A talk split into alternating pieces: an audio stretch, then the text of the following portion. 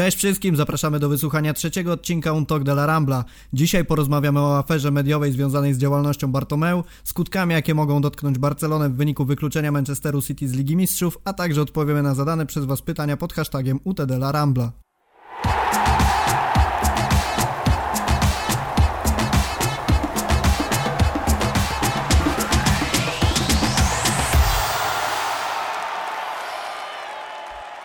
Ponownie witamy Was w trzyosobowym składzie. Do podcastu wraca Julia Cicha, czyli redaktor naczelna naszego portalu. Na pewno znacie ją z bardzo aktywnej działalności w obszarze newsów. Hiszpańskie media nie mają przed nią tajemnic, dzięki czemu każdego dnia dostarcza czytelnikom masę artykułów dotyczących życia klubu. Jest z nami także Maciej Łoś, który w zespole newsowym działa od stycznia tego roku. Poza Ligą Hiszpańską Maciek jest specjalistą od rozgrywek Ligi Chińskiej. Wielokrotnie miał przyjemność uczestniczyć w nagraniach dla Weszło czy Radio Gol. Ponadto regularnie powiększa swoją pokaźną kolekcję koszulek klubów piłkarskich z najróżniejszych zakątków świata. A ja nazywam się Rafał Kowalczyk i możecie mnie już kojarzyć z prowadzenia poprzednich odcinków podcastu, a ponadto na łamach portalu znajdziecie felietony mojego autorstwa. Przed przejściem do głównych tematów przedstawimy szybkie szoty, czyli garść informacji z piłkarskiego świata, które nie znalazły swojego miejsca w naszym podcaście, ale nie sposób o nich nie wspomnieć. Dzięki dwóm bramkom zdobytym przeciwko PSG Erling Holland został pierwszym nastolatkiem w historii Ligi Mistrzów, który strzelił aż 10 goli w jednej edycji rozgrywek. Jednocześnie zrównał się z Robertem Lewandowskim w klasyfikacji strzelców, ale napastnika Bayernu czeka wtorkowy mecz przeciwko Chelsea. Liverpool niepokonany w lidze. Podopieczni Jurgena Kloppa są jedyną drużyną z najmocniejszych pięciu lig europejskich, która nie przegrała dotychczas ligowego spotkania. 76 punktami na koncie są liderem Premier League i mają 22 punkty przewagi nad drugim Manchesterem City. Messi zanotował już 12 asyst w tym sezonie ligowym i jest to jego 11 sezon z takim dorobkiem na koncie. Najbliżej jego wyniku znajduje się Mesut Ozil, który sześciokrotnie osiągał taki wynik. Stosunku do poprzedniego sezonu z dużo mniejszą skutecznością drogę do bramki otwiera kolegom Jordi Alba. Kontuzje i słabsza forma spowodowały, że zanotował tylko dwie asysty. Rok temu po takiej samej liczbie kolejek miał ich 12. Jeżeli interesuje Was, co powiedział Leo Messi w obszernym wywiadzie dla Mundo Deportivo, to gorąco zapraszam na nasz portal, gdzie znajdziecie jego pełną treść. Zachęcam także do zapoznania się z moją oceną transferu Dembele do Barcelony, a także odpowiedzią na pytanie, dlaczego Holland nie został piłkarzem Barcelony, opisaną przez Dariusza Maruszczaka. Dodatkowo mam dla Was bardzo ciekawą informację, ponieważ w następnym podcaście możecie spodziewać się konkursu związanego z nadchodzącym El Clasico. Poza wyjątkową nagrodą, jaką będzie pozdrowienie na łamach podcastu, spodziewamy się także rozdania bardzo wyjątkowych nagród rzeczowych, także słyszymy się za tydzień i oczekujcie więcej wiadomości na portalu. Przypomnę jeszcze o używaniu naszego hashtagu UTDLARAMBLA. Bardzo ciekawią nas Wasze propozycje tematów, jakie możemy poruszyć w podcaście. Komentarze dotyczące wydarzeń piłkarskich czy opinie wobec wyrażanych przez nas poglądów. Zamieszczajcie hashtag w swoich postach na Larambli, Twitterze czy w komentarzach na YouTubie.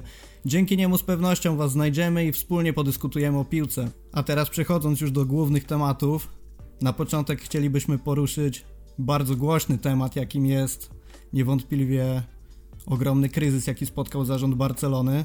Mam nadzieję, że moi goście słyszeli o nim i coś chętnie powiedzą. Maciek, co sądzisz? No jest to sytuacja, która nie powinna się zdarzyć w tak dużym klubie jak Barcelona. To nie mieści się w głowie, e, do czego to doszło, że Bartomeu tak naprawdę kopie pod sobą taki dołek, że według mnie ciężko będzie cokolwiek z tej sytuacji dla niego ugrać. Wydaje mi się, że jest to taka sytuacja, że w najbliższym czasie dojdzie do przedwczesnych wyborów i Bartomeu w końcu pożegna się ze swoją posadą. Czyli rozumiem, że na początku w ogóle wykluczamy taką opcję, że Bartomeu jest niewinny i gdzieś tam te wszystkie dowody są jakoś sfabrykowane przez kontrkandydatów i jest to jakaś kampania przeciwko niemu. Julia, co sądzisz? Pomijając fakt, że jestem bardzo sceptyczna co do potencjalnego braku winy Bartomeu, to nawet gdyby jakimś cudem on naprawdę nie wiedział o tych wszystkich działaniach, to jest winny głupoty i zaniedbania, że nie zauważył, że ktoś pod nim coś takiego robił i płacił za to z klubowych pieniędzy. Co moim zdaniem jest niewiele mniejszym przewinieniem e, niż samo zlecenie takich działań przez niego to nie mieści się w głowie w ogóle, że można wykorzystywać te konta do obrażania swoich piłkarzy, swojego własnego klubu. Ja rozumiem, że w pewnym momencie chciał być może poprawić swój wizerunek, ale nie potrafię odpowiedzieć na pytanie, dlaczego atakował też własnych piłkarzy. To jest naprawdę nie do zrozumienia. No właśnie dla mnie to jest bardzo ciekawa kwestia, bo o ile jestem w stanie, tak jak ty, gdzieś tam zrozumieć, że chciał upokorzyć osoby powiedzmy będące jeszcze poza Barceloną, chociaż oczywiście związane z nią, no bo Xavi i, i cała reszta, to jednak są to osoby, które prawdopodobnie gdzieś w przyszłości będą wracać do drużyny, ale tak jak mówisz, obrażanie Messiego, obrażanie Pique, czy z tego co pamiętam, to, to rząd tych piłkarzy, dla mnie jest jakimś kompletnym absurdem. I jak sądzicie, Julia, jak sądzisz, dlaczego, dlaczego zdecydował się na taki ruch? Jasne, etyka etyką, ale byłoby w pewien sposób zrozumiałe zatrudnienie e, firmy mającej psuć wizerunek, czy to oponentów politycznych, czy też nawet osób, które były powiązane z Barceloną w przeszłości, ale najtrudniej jest zrozumieć e, właśnie to oczernianie Messiego i Piquem. U Messiego to jeszcze mam taką teorię, bo tak naprawdę oprócz tam jakichś e, postów o Antonelli, które e, wzięły się troszeczkę znikąd, to jedyny news dotyczył też firmy MediaPro i Jaume Rouresa, z którym Barcelona miała trochę na pieńku i mógł być to bardziej atak w niego z wykorzystaniem Messiego niż w samego Messiego.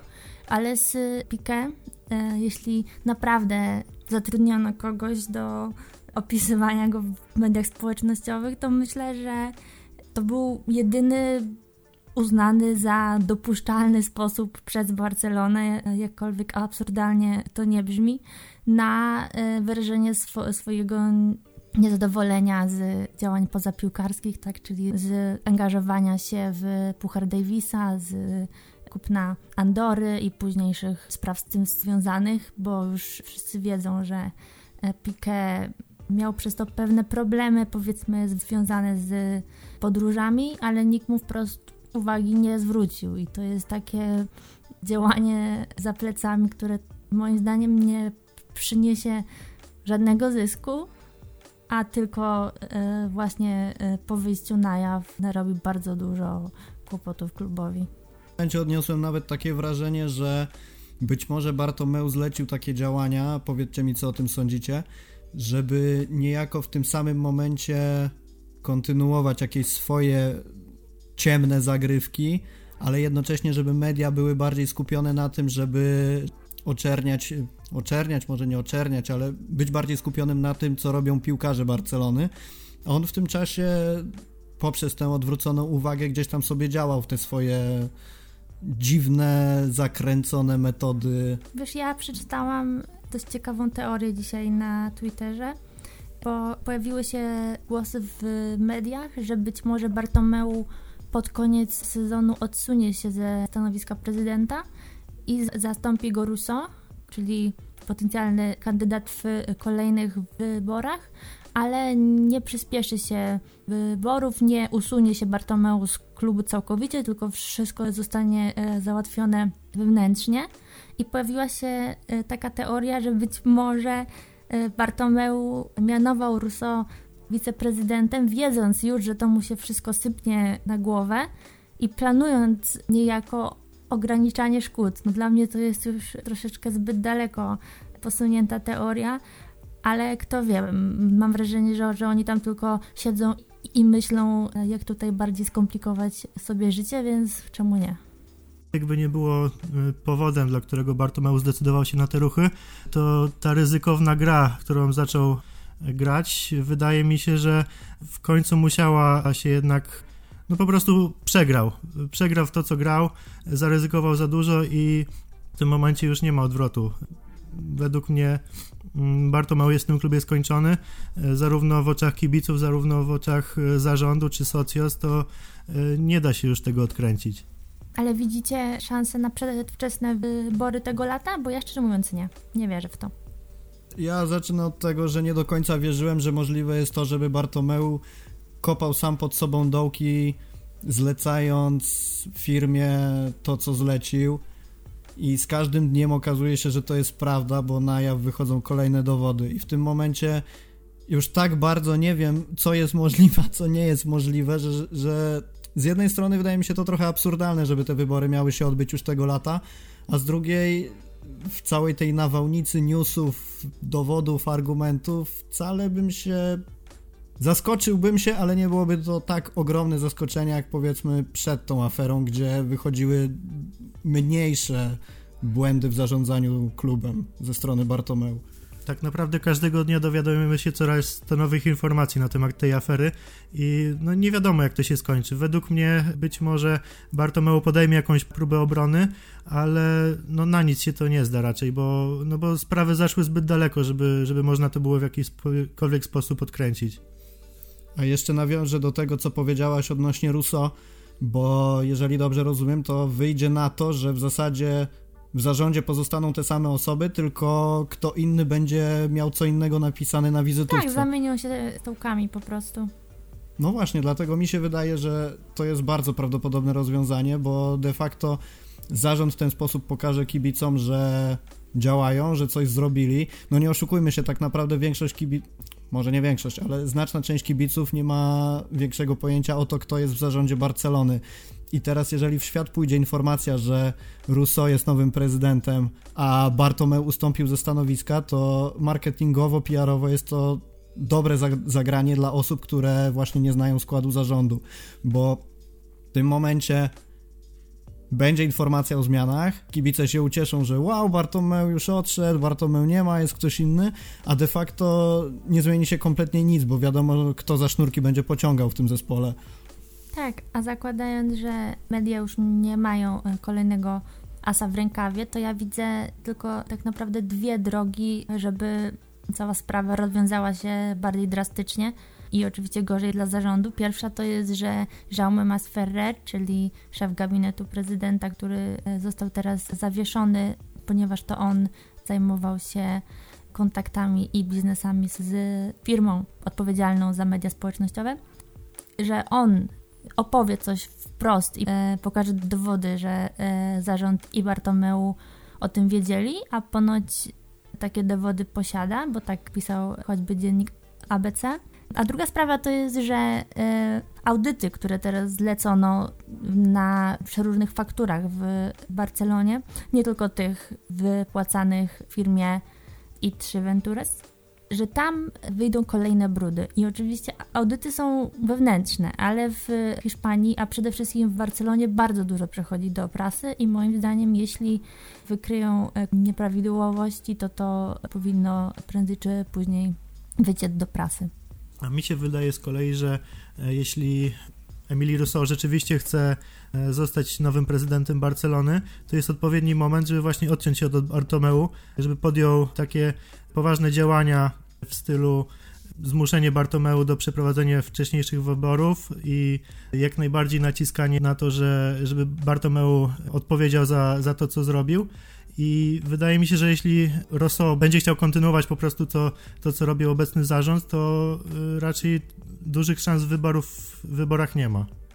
No tak, tylko ja też się zastanawiam w kwestii tego audytu, bo to jest wiadomo już od kilku dni, że ten audyt będzie przeprowadzony i czy przy tak kreatywnej, czy tak kreatywnej księgowości, jaką prowadzi Barcelona i takim zamieszaniu, jakie potrafią stworzyć wobec całej swojej działalności, czy z kolei nie okaże się, że ten audyt nie wykaże żadnych nieprawidłowości, bo na przykład okaże się, że faktury nagle zginęły albo segregatory z odpowiednimi dokumentami zjadł pies Bartomeu. No, jakby ja mam takie trochę wątpliwości co do tych działań, bo dla mnie to jest wszystko troszeczkę opóźnione i powinno zadziać się nieco wcześniej, kiedy ta afera wybuchła. W tym momencie na dobrą sprawę Bartomeu może działać, żeby próbować jakoś tuszować te wszystkie fakty. I też kwestia, która mnie zastanawia, od momentu, kiedy wybuchła cała ta afera, Bartomeu wypowiedział się na ten temat bodajże raz podczas gali rozdania nagród i... I później też y, dwa słowa podczas prezentacji Bright White'a, ale to y, tylko, że kiedy się czegoś y, dowiemy, to wam powiemy. Tak, i był jeszcze ten oficjalny komunikat, tam składający się bodajże z pięciu punktów, wypuszczony w formie pisemnej na tak, stronie. pozwiemy was, jesteśmy tacy straszni. Tak, to też w ogóle kuriozalna sytuacja, bo Cadena Ser wypuszcza pierwsze informacje o tym, że są jakieś przekręty, Bartomeu Chojrak mówi, żeby, żeby dali dowody, pojawiają się dowody i de facto I, i, na tym sprawa milknie tak. i Bartomeu przestaje się wypowiadać. Ale to jest właśnie e, pokaz na, największej głupoty i niekompetencji, ponieważ zarówno dziennikarze, jak i ponoć też sam Masferrer potwierdzają, że Cadenaser skonsultowała się z Barceloną przed publikacją tych wszystkich doniesień, tak? Czyli skoro Barcelona wiedziała, no to w takim razie e, po opublikowaniu tych informacji, po co wydaje komunikat zaprzeczając wszystkiemu, skoro wie, że tam ci mają dowody? No, to jest absurdalne. No dla mnie to jest kolejny przejaw tego, że działania PR-owe Barcelony to, to jest bardzo, bardzo słaby poziom i no pokazał to już innymi Abidal wypowiadając się w sprawie zwolnienia Valverde w mediach.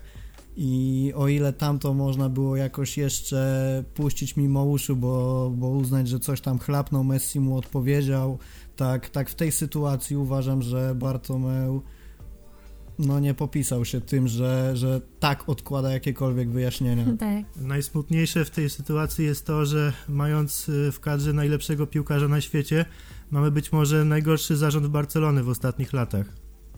No to też jest prawda, tylko w tym momencie ja też myślę, że kogokolwiek byśmy nie mieli, to, to po prostu przykro się na to patrzy. Czy to będzie podrzędny zawodnik z szóstej ligi amatorskiej, czy to będzie Messi, to po prostu sposób za- zarządzania nie przystoi takiej instytucji, jaką jest Barcelona.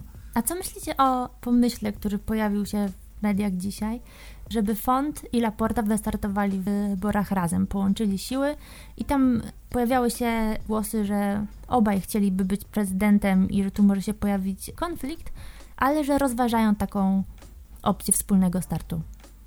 Kadencję Laporty y, będziemy wspominać przede wszystkim za, za to niewybałe osiągnięcie, którym było zdobycie sześciu trofeów w jednym sezonie i wydaje mi się, że jeśli on rzeczywiście połączy siły z Fontem, to ta koalicja może, może mieć duże szanse w wyborach, a tym bardziej jeśli wykorzystają w umiejętny sposób to, co dzieje się obecnie w zarządzie Barcelony, no nie widzę w tej chwili jakiegoś innego kandydata na horyzoncie, który mógłby, mógłby przeszkodzić Fontowi, czy, czy Laporcie, czy, czy obydwu w tym, żeby, żeby właśnie przejąć władzę i, i kontynuować y, swoją pracę podczas następnej kadencji w Barcelonie. Dlatego uważam, że to byłaby naprawdę ciekawa opcja, no ale co z tego wyjdzie, no to zobaczymy.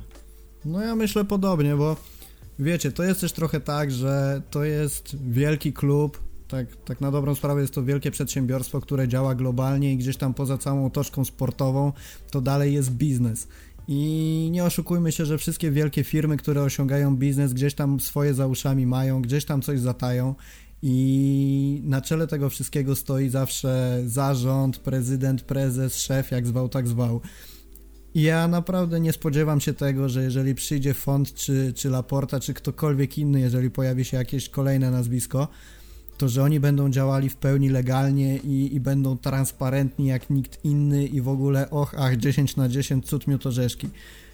Tylko w tym momencie, kiedy Bartomeu robi to, co robi i na jaw wychodzą takie skandale, jakie wychodzą, to uważam, że ktokolwiek by nie przyszedł, to to już będzie poprawa dla, dla kondycji zespołu, klubu, no zwłaszcza klubu, no nie mówmy tutaj o drużynie, chodzi, chodzi mi o klub. Zgadzam się, no bo za kadencji Laporty też było kilka afer, aferek, tylko no zdecydowanie mniejszych niż, niż to, co dzieje się obecnie, dlatego rzeczywiście no, każdy zarząd ma coś za uszami, także też nie ma, nie ma co, co oczekiwać, że ewentualny kolejny prezydent też, też nie będzie miał jakichś problemów i, i nie wyjdzie coś później nieciekawego w mediach. A ty, Julia, co o tym sądzisz? To jest taki trochę śmiech przez łzy, ponieważ mimo, że się nie zgadzam z tym, to rozumiem, że Bartomeu w y, pewien sposób stawia biznes ponad y, wyniki sportowe. Y, Tylko, że on nawet w tym biznesie sobie nie radzi i jest kiepski, ponieważ wypowiedzi choćby osób z branży mediów społecznościowych wskazują na to, że kwoty zapłacone przez Barcelonę wspomnianej firmie są o wiele za wysokie i kompletnie poza rynkiem. Także w tych kwestiach, a także kwestie biznesowe oczywiście w transferach, gdzie można by o tym napisać całą książkę. Także stawia na biznes, ale tego też nie umie, więc absurd. Tak, ja bym powiedział tak, że Bartomeu jest średnim biznesmenem, bo jest fenomenalnym kłamcą i tylko to go ciągnie do góry w tym świecie biznesu. Tylko teraz zauważcie taką rzecz. Na, na światło dzienne wychodzą przekręty, jakie Bartomeu robi, że podkopuje własnych pracowników. I pomijając już aspekt sportowy, który Bartomeu ma w swoich czterech literach od dawna, o czym wszyscy wiemy, to jak w tym momencie mogą się czuć obecni albo potencjalni partnerzy biznesowi Barcelony, skoro oni na dobrą sprawę nawiązując umowę czy no jakąkolwiek relację z klubem, nie mogą być pewni tego, co Bartomeu zrobi, bo, bo to, co on robi, to jest zupełnie nieprzewidywalne ja z punktu widzenia sponsorów czy, czy partnerów medialnych, biznesowych po prostu nie chciałbym wchodzić w relację z takim człowiekiem i jedna sprawa, jak to się odbije na drużynie sportowo, a druga, druga sprawa to są finanse, to są właśnie partnerstwa, sponsoring, i, I co wy o tym sądzicie? Czy, czy można mówić o Bartomeu w tych kwestiach, że, że da sobie radę, jeżeli oczywiście dotrwa do końca kadencji, to czy te różnego rodzaju relacje Barcelony z, z innymi podmiotami nie zaczną podupadać? No, świat piłkarski w tym momencie tak bardzo opiera się na pieniądzach, że takie kluby jak Barcelona nie mogą sobie pozwolić na, na utratę finansowania a rzeczywiście te, te afery no nie stawiają dobre, w dobrym świetle zarządu Barcelony, który odstrasza, według mnie będzie odstraszał potencjalnych, potencjalnych sponsorów, ponieważ jaka firma chciałaby się związać z klubem, który robi takie rzeczy. Dlatego to jest naprawdę niebezpieczne, może być dla Barcelony, jeśli takie sytuacje będą się powtarzać, ponieważ no, finanse są niezwykle ważne w tym momencie i w najbliższych latach y, możemy mieć problem, jeśli, jeśli sponsorzy będą się od nas odwracać. Z jednej strony tak, ale z drugiej Barcelona to jest tak wielki kombajn, tak wielka machina, że wbrew pozorom, żeby sponsorzy zaczęli się od nas odwracać, to e, potrzeba by bardzo dużo czasu. A e, wydaje mi się, że Bartomeu nie ma tyle czasu, by aż tak bardzo wszystko zawalić. Czyli przez ten rok, który mu pozostał, myślę, że wielkość Barcelony jako klubu, jej e, zasięgi na całym świecie, jej potencjał medialny sprawi, że partnerzy dalej będą. Być może za nieco mniejsze kwoty to być może się zmieni nieco, ale nie wyobrażam sobie sytuacji, w której jakiś sponsor, może nawet nie z koszulki, ale jakiś taki drugo, trzeciorzędny wycofałby się ze, ze współpracy z klubem lub stwierdził, że nie przedłużamy umowy, ponieważ e, w klubie jest bajzel. To zbyt krótki okres według mnie. To znaczy, może ja też źle się wyraziłem, bo absolutnie nie mam na myśli tego, że Rakuten czy Nike się teraz wycofa, no ale patrząc na jakieś powiedzmy jednorazowe akcje albo drobne eventy, cokolwiek takiego, co nie wymaga głębszego, prawda, angażowania się w te relacje, moim zdaniem Bartomeu może na tym stracić. I abstrahując już tak od Barcelony, chociaż nie za bardzo mnie obchodzi życie Bartomeu poza Barceloną i niech robi co, co tam sobie uważa za słuszne w tym swoim prywatnym życiu biznesowym, no to, to prywatnie uważam, że Bartomeu też już ma przechlapane po takiej akcji, którą wywinął i że te, ta sfera jego biznesowa nieco zacznie podupadać Proszę po tym cię, wszystkim. On ma no. tyle odłożonej kasy i jeszcze po zakończeniu kadencji e, napisze książkę, później nakręcą o nim dokument, patrz Sandro Rosej, e, nachapie się tyle, że będzie leżał na pieniądzach. No tak, ale apetyt rośnie w miarę jedzenia, więc sądzę, że mimo wszystko chciałby sobie te kolejne pieniądze na konto odkładać. No to była brawurowa kadencja, na pewno taka książka by się fajnie sprzedawała. Tak samo jak fajnie wyglądałby mecz Day 2 z tego pożaru. Tak, tym razem powinni powiedzieć tak, że no pierwszy sezon był w szatni, to w drugim wejdziemy wam do biur. To by się działo. I w tym, w, ty, w tym momencie by na pewno prąd y, walnął w całym budynku, kamery by nie działały i i coś by się tam złego okazało. No. no ale problemy z zarządem i takie około sportowe mamy nie tylko my, bo jak wiemy jakiś czas temu, nie wiem ile dokładnie dni to jest już tego Walentynki. momentu, chyba w, chyba w walentynki, tak. Manchester City dostał piękną informację, że przez najbliższe dwa lata w Lidze Mistrzów nie zagra. A do tego dochodzi jeszcze koszt 30 milionów Euro czy dolarów, czy funtów? Euro chyba. Chyba euro. Nieważne, w każdym razie bardzo dużo pieniążków. No i jak wy widzicie tę sprawę, bo domyślam się, że Manchesterowi nie kibicujecie, skoro tu jesteśmy, ale może jakieś pozytywne bądź negatywne kwestie, jakie mogą z tego wyniknąć dla Barcelony? No, UEFA zawsze groziła palcem, jeśli chodzi o, o, o to finansowe fair play, ale nigdy nie, nie dochodziło do jakichś poważniejszych ruchów. No i rzeczywiście ta, ta sytuacja z Manchesterem City była bardzo nieoczekiwana. Osobiście nie wierzę, że, że ten, ta dwuletnia karencja zostanie. No, wydaje mi się, że będzie, będzie odwołanie i, i Manchester jednak przystąpi do, do rozgrywek, jednak to pokazuje, że, że te kluby nie mogą czuć się bezkarnie. Jeśli rzeczywiście robią jakieś przekręty, machlojki, to może im to wyjść później nieciekawie. I jeśli rzeczywiście Manchester nie będzie mógł grać przez najbliższe dwa lata w Lidze Mistrzów, to będzie duży cios dla szejków, którzy jednak tak naprawdę głównym celem jest w tej chwili zdobycie Ligi Mistrzów. Dlatego, dlatego uważam, że to w klubie mogłoby być bardzo nieciekawie wtedy.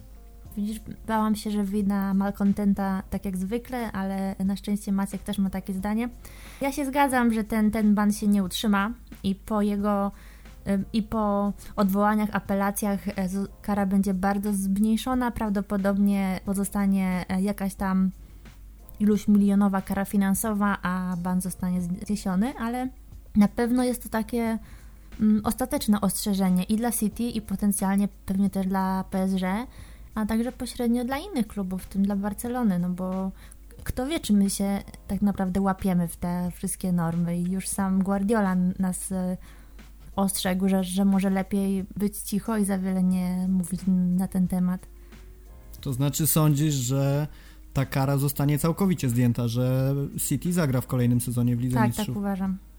No to ja szczerze mówiąc podchodzę z takim trochę większym dystansem do tego niż wy i uważam, że o ile kara może zostać zmniejszona, to z drugiej strony sądzę, że może UEFA zacznie coś w końcu robić poważnego w kierunku ograniczenia tych wszystkich spraw finansowych związanych z oszustwami, z kreatywną księgowością itd., tak itd. Tak I no z jednej strony trochę mi się wydaje, że rzeczywiście ta kara jest zbyt surowa, żeby mogła się utrzymać przy takim klubie, jakim jest City.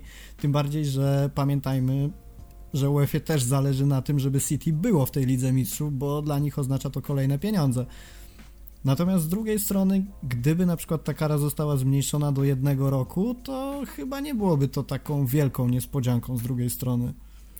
Skoro UEFA zdecydowała się no powiedzmy ukarać Manchester tymi za, za złamanie finansowego fair play, e, to też rzeczywiście wątpię, żeby, e, żeby robiła to po to, żeby później ta kara miała być całkowicie zdjęta, dlatego być może rok, być może jakaś inna kara finansowa, ale rzeczywiście raczej e, przynajmniej w jakimś najmniejszym stopniu będą chcieli ukarać Manchester City. Ale pamiętajcie też, że UEFA jest poniekąd na łatce klubów, ponieważ już wiele razy była mowa o utworzeniu na przykład Europejskiej Superligi, która wcale nie musiałaby powstać pod agendą UEFA. To jest tak naprawdę tylko dobra wola klubów, które e, dają im zarabiać i gdyby się zgadały największe europejskie kluby, to nagle by się okazało, że one UEFA wcale nie potrzebują do organizacji turnieju. Także tutaj granica jest cienka pomiędzy tym, na ile można sobie pozwolić, żeby ich troszkę wychowywać, a na ile trzeba być cicho, bo przynoszą bardzo duże zyski. No tak, dlatego mówię, że z jednej strony UEFA grozi palcem, a z drugiej trochę się boi, że, że drużyny rzeczywiście, tak jak mówisz, mogą zdecydować się wypiąć do nich i zrobić coś na własną rękę. Natomiast czy widzicie, czysto hipotetycznie, zakładając, że kara się utrzyma, e, jeden z prawników zajmujących się piłką nożną w Anglii powiedział, że w związku z takim wykluczeniem piłkarze mogą albo mieć wypłaconą premię za, za grę w Lidze Mistrzów, albo rozwiązać swój kontrakt i bez, bez klauzuli, bez kosztów transferowych między klubami, wyłącznie na podstawie pensji by się wtedy pewnie rozliczały, odejść do dowolnego, no do, dogadać się z jakimś klubem i odejść tam. Czy upatrujecie w tym jakiejś szansy że Barcelona może kogoś pozyskać, bo nie da się ukryć, że City paru fajnych kopaczy ma. Dwa lata bez Ligi Mistrzów to dla piłkarza naprawdę dużo i rzeczywiście wydaje mi się, że na pewno znajdą się w kadrze Manchesteru zawodnicy, którzy będą chcieli odejść, ponieważ sama gra w angielskiej Premier League nie wystarczy. Będą szukali możliwości zdobycia tego najważniejszego europejskiego trofeum i no, jeśli, nawet jeśli y, chodzi o same finanse klubu, też pewnie trzeba będzie kogoś sprzedać, ponieważ zyski y, z, ligi, z gry w Lidze Mistrzów na pewno też są y, bardzo ważną częścią budżetu, nawet dla takiego bogatego klubu jak Manchester City. Dlatego wydaje mi się, że, że odejścia są nieuniknione. Tak, znając Barcelonę, to znalazłby się jakiś mózg, który stwierdziłby, że hej, przecież szukamy dziewiątki, a, a tam jest Aguero, który jest przecież taki świetny, co z tego, że ma 34 lata, zapłaćmy mu 12 milionów na sezon. To tak pół żartem, pół serio. Ale faktycznie, no oczywiście każdy by od razu patrzył na Gabriela Jezusa, chociażby na Kevina De Bruyne. To są nazwiska, które ekscytują e, cały piłkarski świat, czy choćby Rahim Sterling. Trzeba by też spojrzeć, kto z nich pasowałby do Barcelony. Też śmieszne jest, że w City gra obecnie Eric Garcia, czyli wychowanek Barcelony, o którym było bardzo głośno, kiedy odchodził z La Masi, ponieważ był bardzo obiecującym piłkarzem, to byśmy go teraz odzyskali. Tak, tylko małe sprostowanie, bo Aguero ma 31, nie 34 lata. Ale no tak, no prawdopodobnie mogłoby tak być, że przypomniałoby się zarządowi, że rzeczywiście potrzebujemy dziewiątki i no Suarez w zasadzie nie gra tak dobrze, a Aguero przecież zna Messiego, no to się dogadają. Tak, I... po co Lautaro? Przecież z Aguero Messi zna się dłużej, to będą współpracować lepiej. Tak, a Holland nie ma DNA Barcelony i wiadomo, byłby za tani w tym wszystkim. E, natomiast e, przewijały się jeszcze nazwiska Kevina De Bruyne i João Cancelo. Co do De Bruyne, myślę, że każdy szanujący się klub w Europie i na świecie chciałby mieć tego gościa u siebie, bo trafiłem też na taką informację. Nie pamiętam, czy dokładnie pamiętam te liczby, ale na pewno jest to ten rząd wielkości, że od momentu debiutu De Bruyne w City zanotował 61 asyst i wyłącznie Messi jest w tym wyniku lepszy od niego i ma bodajże 62 asysty od momentu, kiedy De Bruyne zadebiutował w City. No to, to są kosmiczne liczby, tym bardziej, że nie gra on w jakiejś ogórkowej lidze, tylko w Premier League i z, z dużą dozą prawdopodobieństwa, omijając przykład Coutinho szerokim łukiem, można by stwierdzić, że w Barcelonie by sobie dał radę. Natomiast dla mnie, dla mnie rozważanie tych transferów, czy, czy Sterlinga, czy De Bruyne, akurat Cancelo to uważam, że jest nam niepotrzebny, ale to już tak na marginesie. Uważam, że to są transfery czysto hipotetyczne i w tym momencie, mimo wszelkich yy, kar dla City, zawodnicy nie będą opuszczać Manchesteru i, i chyba, że odbędzie się to na zwykłych zasadach okienka transferowego. A sytuacja teraz jest taka, że e, tak naprawdę e, Barcelona nie jest klubem, e, do którego przechodziliby w pierwszej tak, kolejności. Tak. Dokładnie. No tak naprawdę sportowo nie odbiegamy na plus od innych europejskich gigantów. Pod kątem zarządzania to już poświęciliśmy na to wyjątkowo dużo czasu. Młodzi zawodnicy są traktowani jak są traktowani. Pozdrawiamy z tego miejsca Carlesa Pereza i życzymy udanej kariery w Rzymie. No tak naprawdę dla mnie jedynym sensownym argumentem, który mógłby przekonać zawodników do przyjścia do Barcelony, to jest y, skorzystanie z, z ostatnich lat Messiego w formie i ewentualnie nadziei, że, że to jeszcze odbije w najbliższych sezonach. Tak, bo pieniędzy też nie mamy. to brzmi tak strasznie smutno. A rozważacie w ogóle taką możliwość, że Guardiola pomimo jego deklaracji, że zostanie w City, jeżeli nie zostanie zwolniony, to czy jest chociaż cień szansy według Was, że wróci do Barcelony? Bo wiemy, że, że City szans na ligę raczej już nie ma w Lidze Mistrzów wszystko się okaże. Gdzieś tam ten projekt sportowy Guardioli przestał trybić tak jak powinien. I czy gdzieś tam kibice Barsy mogą liczyć, że, że wróci do Barcelony? Wydaje mi się, że Guardiola, e, tak jak wcześniej prowadził Barcelonę 4 lata, później Bayern, to teraz też już zbliża się ten moment, że, e, że powoli e, może mu, może chcieć opuścić City, tym bardziej właśnie jeśli ta sytuacja z Ligą Mistrzów się potwierdzi. Może nie w roli trenera, ale może w roli jakiegoś dyrektora sportowego. To by było naprawdę ciekawą opcją, zarówno dla niego, jak i dla klubu. I wydaje mi się, że to nie jest aż tak e, bardzo niedorzeczne jakieś marzenie. Ja myślę, że Guardiola mógłby wrócić, ale nie w roli pierwszego trenera, tylko e, na przykład do szkółki e, jako trener Barcelony lub jeszcze niżej, ale też nie teraz, za x lat jako taką powiedzmy trenerską emeryturę, że póki co będzie celował w jakieś wielkie kluby typu Juventus na przykład.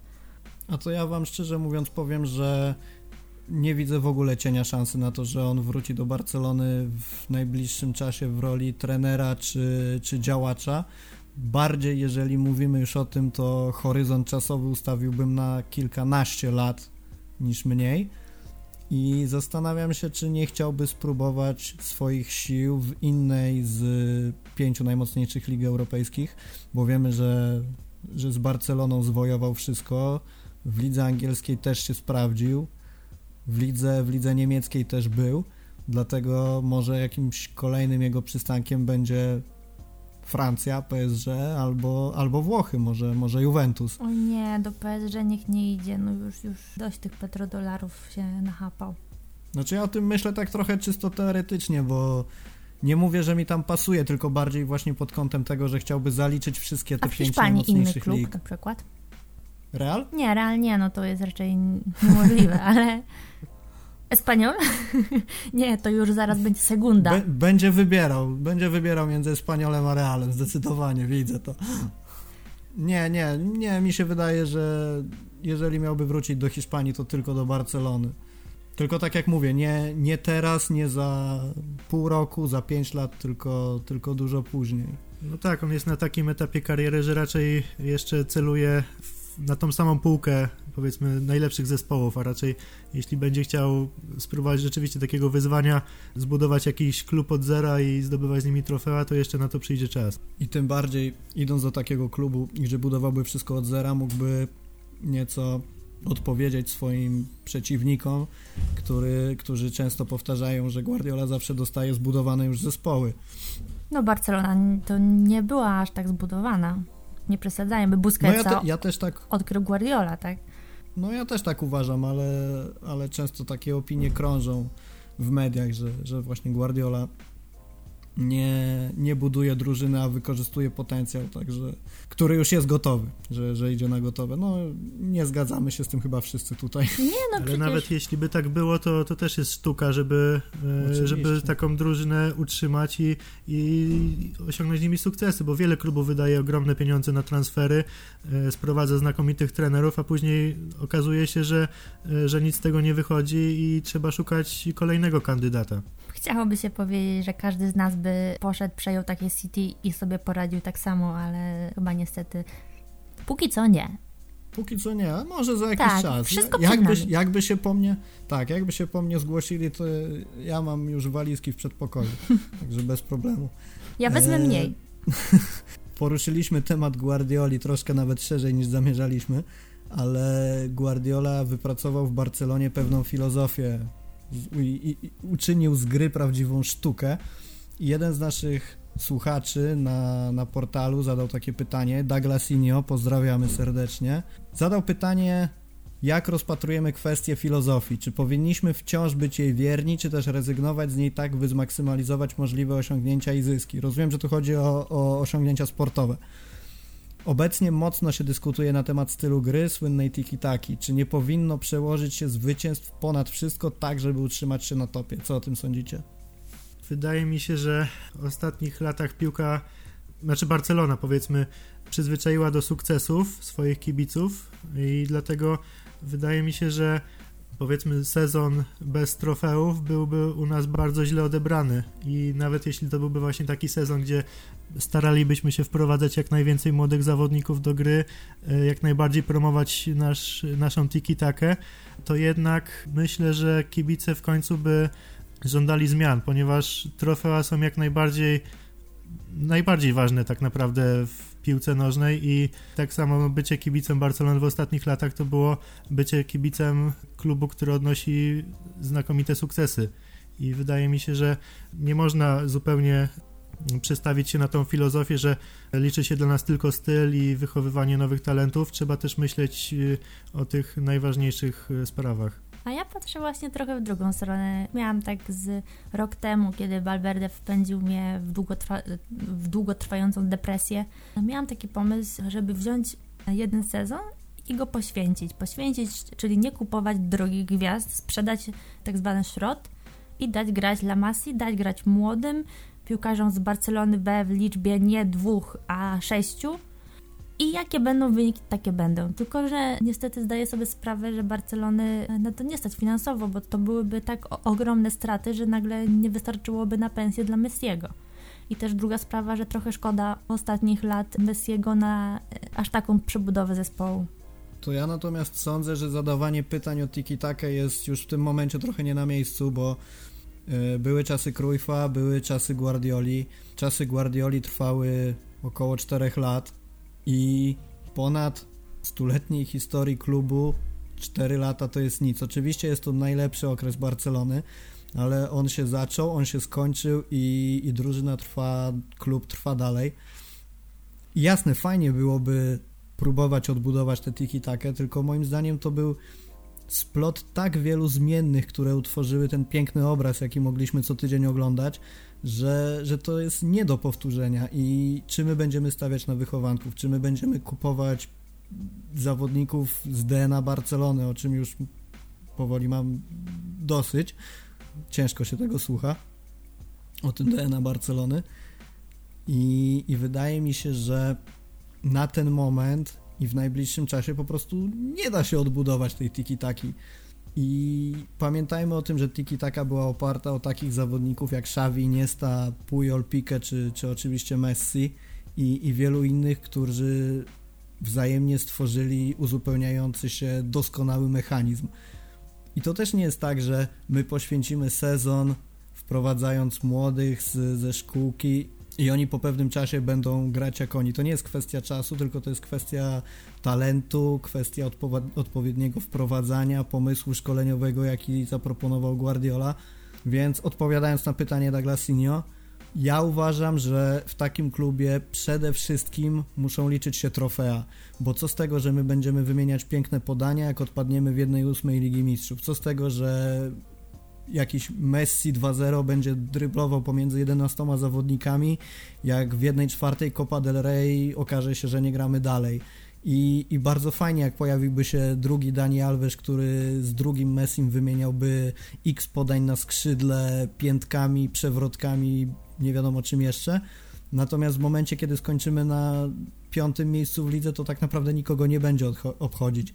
Dlatego moim zdaniem przede wszystkim sukces sportowy, sukces sportowy budowany na stabilnym zarządzie i, i potem można myśleć o tym, o tym, jak upiększać tę grę, ale, ale no moim zdaniem sukces sportowy to jest przede wszystkim, to jest fundament. A to ja sprostuję trochę, bo możliwe, że się źle wyraziłam. Nie chodziło mi o to, że ci wychowankowie mieliby odbudować tiki-takę, ponieważ zgadzam się z tobą, że tiki-taka była, minęła i nie wróci. Może brzmi to brutalnie, ale to był taki powiedzmy układ gwiazd niepowtarzalny, włącznie choćby z tym, nie wiem, w jaki sposób grali rywale, kto grał wtedy w lidze, a jaka była pogoda, a, a jakiej długości była trawa, no to, to wszystko złożyło się na to, jak wygląda tiki-taka i tego już nie będzie ale myślę, że Barcelona powinna się e, dostosować do, do zmieniających się e, czasów w piłce nożnej, do nowych realiów, do tego, e, jak grają rywale i jaka formuła jest skuteczna,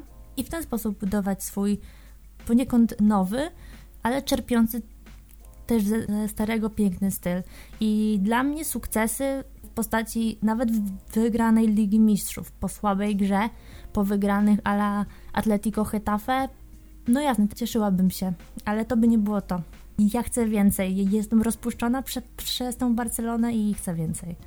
A mi się wydaje właśnie, że jakbyśmy zrobili sobie powiedzmy jakiś taki rok przerwy i powiedzmy w, skupili się bardziej na wprowadzaniu takich y, młodszych talentów i stawianiu na, na, na te swoje style gry, ciężko byłoby wrócić być może do tej, do tej czołówki, ponieważ te kluby najmocniejsze mogłyby nam odjechać na tyle, że stalibyśmy się drugim Manchester United walczącym o grę w Lidze Mistrzów, a nie o samą Ligę Mistrzów, o zwycięstwo w tych rozgrywkach. To znaczy ja też mam takie poczucie, że niekoniecznie każdy zawodnik, który jest w szkółce z czasem wraz z treningiem i odpowiednim przygotowaniem stanie się zawodnikiem pierwszego składu. Być może nas nie ma na treningach, być może rzeczywiście jest tak, że ci zawodnicy wcale nie spełniają takich wymagań, żeby w tym pierwszym zespole się pojawić i grać regularnie. No bo przypomnijcie mi, kto był ostatnim takim zawodnikiem, który ze szkółki wszedł i zameldował się na stałe w pierwszej kadrze, bo, bo ja kojarzę Roberto, no właśnie, dokładnie. Gdzieś po drodze byli, było wielu innych, był, był Rafinha, był Alenia i, i naprawdę masa innych zawodników. Natomiast może po prostu rzeczywiście tak jest, że, że może z samego błędnego działania szkółki w tym momencie okazuje się, że tych zawodników, tych młodych talentów nie ma tak dużo. Natomiast, no, no tak jak powiedziałem wcześniej, dla mnie przede wszystkim sukcesy sportowe. I łatwiej też jest y, czasem kupić już ukształtowanego zawodnika za powiedzmy większą cenę niż, niż zaryzykować i postawić na, na wychowanka, który właśnie może okazać się, pierwsze jego mecze okazą, będą, będą całkiem w porządku, a później przyjdzie jakieś załamanie formy i już nie będzie dawał tego co na początku i jakieś wypożyczenie y, do y, mniejszego klubu w La Lidze i, i tak się skończy jego historia w Barcelonie. Dlatego czasem może warto, warto rzeczywiście odejść od, od grania wychowankami, poszukać, poszukać e, zawodników, którzy mają już ten poziom, prezentują taki e, stałą formę i są sprawdzeni w najważniejszych bojach i, i, i na nich opierać się też e, w drużynie. Ale to wciąż jest takie wróżenie z fusów, bo można kupić takiego będącego w bardzo dobrej formie, przepraszam za przykład, ale Dembele i widzimy, co z tego jest. Nie, bardzo dobry Dlatego... przykład. tak. Dlatego to e, wszystko e, zależy oczywiście od analizy, od projektu sportowego, od umiejętności obserwacji i przewidywania, ale potem i tak e, dochodzi pewien element szczęścia i są rzeczy, których nie przewidzisz. I równie dobrze może teraz być tak, że, że właśnie taki Carles Perez strzeli do końca sezonu 12 bramek w Romie, a może być tak, że odpukać Bright White, którego kupiliśmy, ro, dozna kontuzji, także no, tego nie wiemy. Czego mu nie życzymy, ale skoro już o tym wspomniałaś, to taki dosłownie krótki komentarz. Nie mamy Erlinga Holanda, ale mamy Bright White'a. Jak się na to zapatrujecie? No, ciężko sobie nie pluć w brodę, jak można nie wykorzystać takiej sytuacji do kupienia jednego z największych talentów ostatnich lat w piłce nożnej. Dokonania Holanda, to co on robi jest naprawdę niesamowite nie wiem, kiedy on się zatrzyma z tym strzelaniem, bo na pewno w końcu przyjdzie taki moment, że, że i on straci formę, ale no, patrząc na to, jak gra teraz, to można tylko przyklaskiwać. No i rzeczywiście, według mnie to jest duży, duży błąd zarządu, że nie postarał się o sprowadzenie tego zawodnika, tym bardziej, że jego cena naprawdę nie była wygórowana. Z jednej strony nie była, bo to było 20 milionów, ale z drugiej przynajmniej drugie tyle a podobno no, y, nawet więcej niż drugie tyle w prowizjach dla agenta oraz dla um, ojca piłkarza, także to y, pieniądze były spore. Y, więc ja w pewien sposób rozumiem, że Barcelona go nie kupiła, ale nie rozumiem, czemu nie kupiła nikogo w trakcie okienka transferowego. I o ile sam transfer Bright White'a jest oczywiście absurdem, włącznie z 18 milionami z kontraktem na 4,5 roku, o tyle samemu piłkarzowi bardzo kibicuję, bo trafiła mu się szansa życia i to nie jest w żadnym razie jego wina, że akurat na niego postawiono, a może właśnie zasługa i kto wie, może pokaże się z jakiejś dobrej strony. Już teraz dostał 20 minut w meczu z Eibarem i e, zaliczył dwie prawie asysty. No tak, a, a z Holandem to jeszcze jest taka sytuacja, że owszem, teraz ma świetną formę, tylko, tylko nadal to jest jeden sezon i ja się zastanawiam... Kazus Krzysztofa Piątka? Tak, tak, tak, dokładnie. Co prawda, no, Holland jest trochę innym zawodnikiem i ja mam wrażenie, że jego mentalność też jest zupełnie inna, bo sposób w jaki on gra pokazuje taki, taki luz, taką dziecięcą wręcz bezczelność w zdobywaniu tych bramek, więc trochę się nie spodziewam, że, że psychicznie podupadnie, czy przestanie strzelać te gole, tym bardziej, że że trafił do zespołu, który gwarantuje mu wiele okazji do zdobywania tych goli, dostaje piłki od kolegów. No ale mimo wszystko ja bym sobie jeszcze tak w brodę nie pluł z tym Holandem, bo bo Rosja zrobiła złoty strzał. Mogło się udać, mogło się nie udać, im się udało. Kto wie, może jakby przyszedł do nas za 20 milionów, 50, 70 czy nie wiadomo ile, to mogłoby się okazać jak z Coutinho, że żeby się nie wpasował i, i byłyby komentarze po co on. Dlatego mamy Bright White'a, trzymajmy za niego kciuki, a będziemy to wszystko analizować pewnie, pewnie dopiero za sezon czy dwa, jakby to mogło być.